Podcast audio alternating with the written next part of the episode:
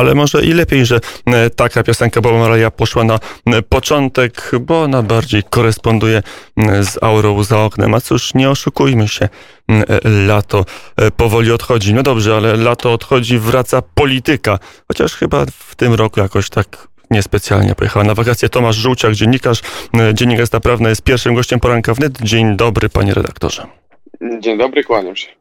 No dobrze, to zacznijmy od opisu tego, jak będzie, jak może wyglądać jesienny sezon w dwóch głównych obozach politycznych wrze.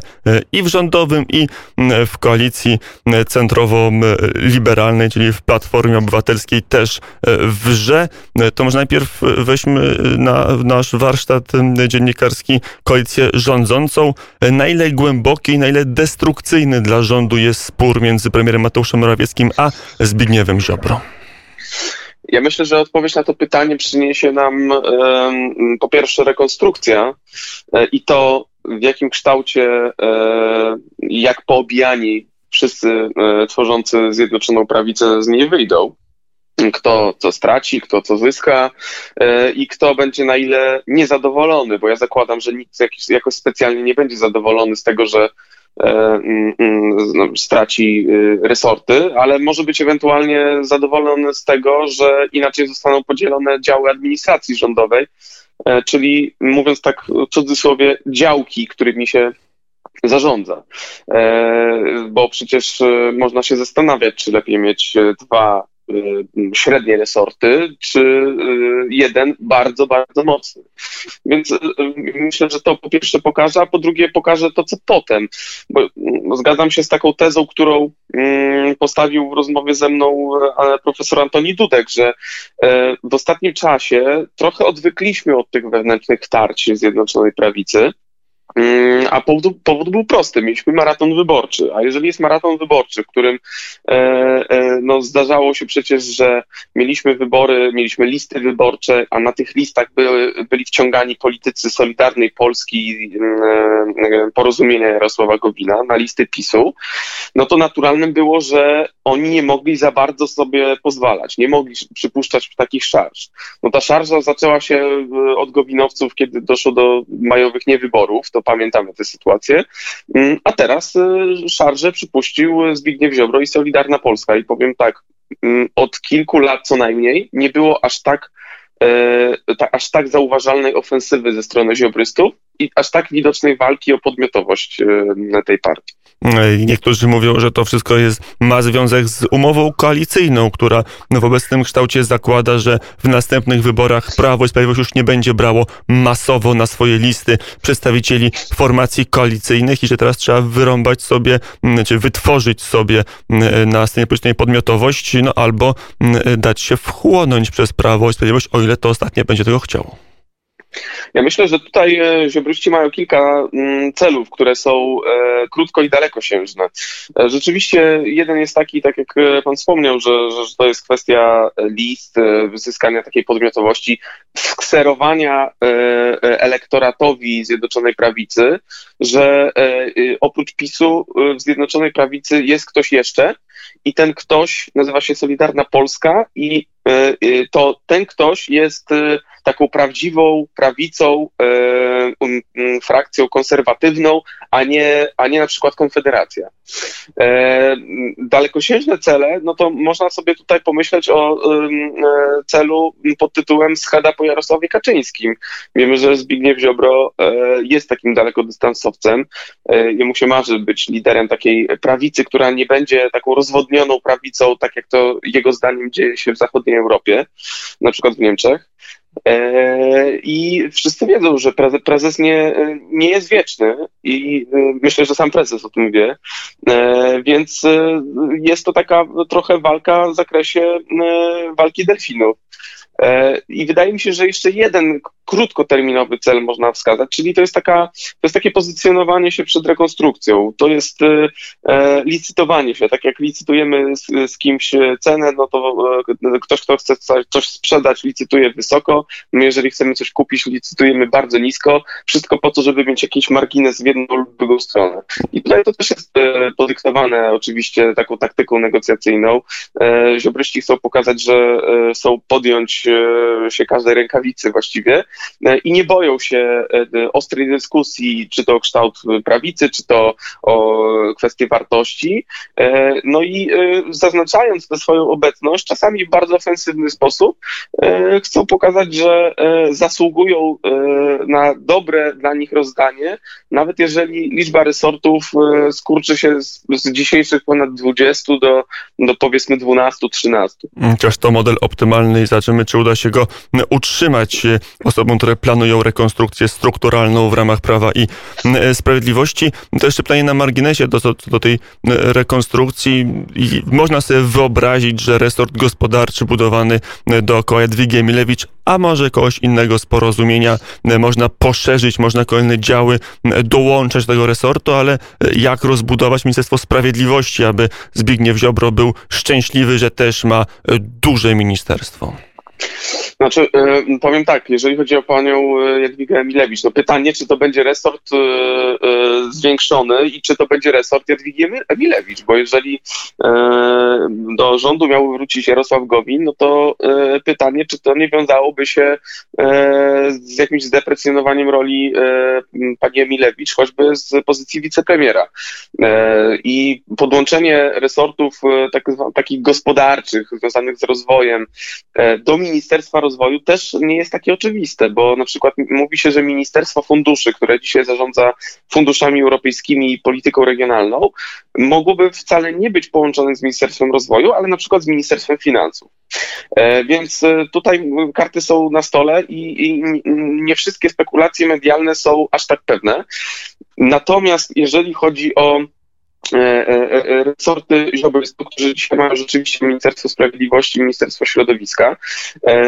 No pytanie, czy nie będzie tak, że po prostu im się ostanie Ministerstwo Sprawiedliwości, które będzie jakoś wzmocnione. Tylko oczywiście pytanie jak, no bo jest to na tyle wsodny resort, że no trudno sobie wyobrazić Ministerstwo Sprawiedliwości połączone w stopniu z Ministerstwem Środowiska, zwłaszcza kiedy mówi się o innych połączeniach czyli żeby połączyć Ministerstwo mm, Środowiska z Ministerstwem Klimatu, stworzyć albo na nowo, na nowo Ministerstwo Środowiska, albo Ministerstwo Energii.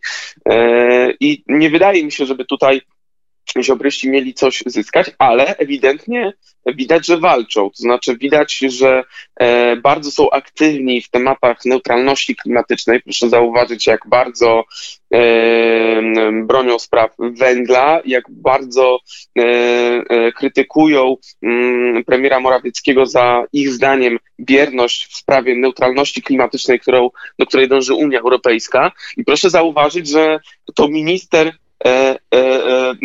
to, to, może inaczej, to Solidarna Polska napisała projekt ustawy o reformie europejskiego systemu handlu emisjami, mimo że to jest domena ministra Kurtyki ministra klimatu. E, więc zobaczymy, czy minister Kurtyka podejmie ten projekt. E, średnio mi się wydaje to prawdopodobne, ale, ale widać, że mm, ziobryści ostro walczą o to, żeby utrzymać resort i y, oni też tutaj mają dalekosiężny cel. To znaczy, żeby nie kojarzyć się elektoratowi tylko z tą domeną sprawiedliwości szeroko pojętej. Czyli zarysowują nowe pole gry i tym nowym polem gry jest właśnie kwestia środowiska, neutralności klimatycznej, dekarbonizacji e, i walki o politykę energetyczną Polski, możliwie dotychczasowym kształcie, żeby to nie była terapia szokowa, tylko jakaś tam ewolucja związana z tą neutralnością. Szczególnie, że w samym PiSie ewolucja zaszła właśnie w roku 15. Prawo i Sprawiedliwość przynajmniej oficjalnie, formalnie, ale także chyba rzeczywiście chciało bronić węgla. Teraz rząd przeszedł na inne pozycje, jednak może nie szybkiej, ale na pewno transformacji energetycznej odchodzenia od węgla, bo w tej chwili prąd w Polsce jest jednym z najdroższych i to dało już się w roku 15 przecież wykalkulować. Jeszcze może stary dowcip z, o, z poprzedniej rekonstrukcji, że można by Ministerstwo Sprawiedliwości połączyć z Ministerstwem Sportu, bo w sporcie też są sędziowie i to jest taki wspólny mianownik dla działania Zbigniewa Ziobry. No dobrze, to tym nie najlepszym żartem zamknijmy temat koalicji rządzącej. Kwestia opozycji. Borys Budka utrzyma szefostwo w klubie, czy już jest przesądzone, że ten, to stanowisko będzie musiał oddać?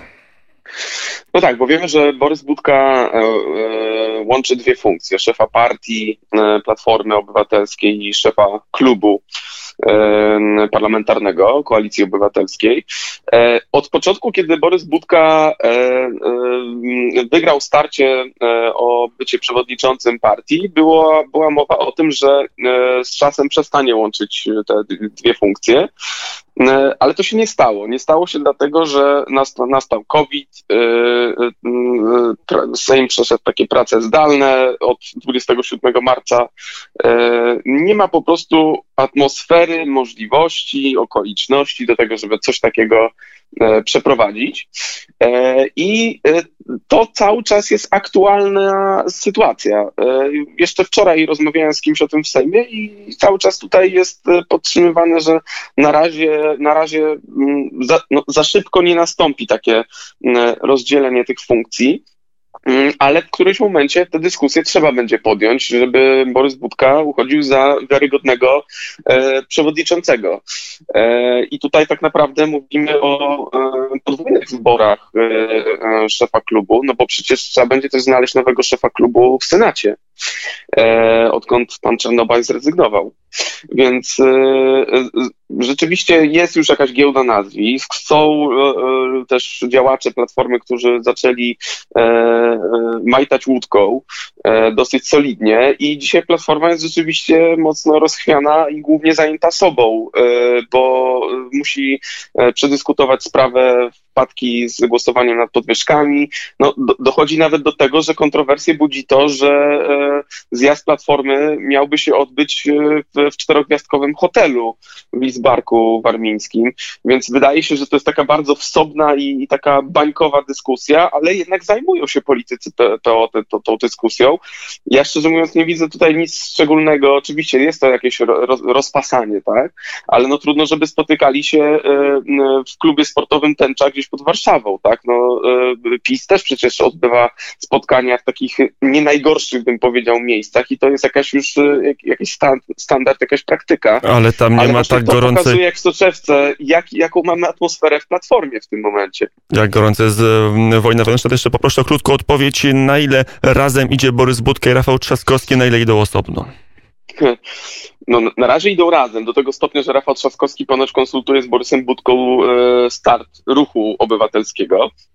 I założenie jest takie, że e, to będzie taka mm, coś obok platformy, taka może przybudówka, może coś równoległego. Natomiast ja na dzisiaj nie do końca jestem przekonany, czy w którymś momencie obaj panowie po prostu nie zejdą na jakiś kurs kolizyjny. Wszystko zależy od tego, w jakiej kondycji będzie platforma i jak będzie szło budowanie Rafał, Rafałowi Trzaskowskiemu tego ruchu. E, wydaje mi się, że jest tutaj takie niebezpieczeństwo, że e, ambicje Rafała Trzaskowskiego, widząc słabość platformy i kolejne kryzysy, które pada, e, no, że te ambicje będą rosły. No i pytanie, czy właśnie to nie spowoduje jakiejś jego ekspansji, która zagrozi pozycji Borysa Budki. E, powiedział e, Tomasz Żółciak, dziennikarz, dziennikarz na pewno dziękuję bardzo za rozmowę i do usłyszenia i do zobaczenia na korytarzach sejmowych, bo Sejm też we wrześniu wróci. Do usłyszenia. Do usłyszenia. E, e, oczywiście e, większość z Państwa pewnie z Tomaszem Żółciakiem na korytarzach sejmowych się nie spotka, ale ja będę miał e, tą przyjemność. To co, mamy godzinę 7.29, to za chwilę wrócimy do poranka wnet.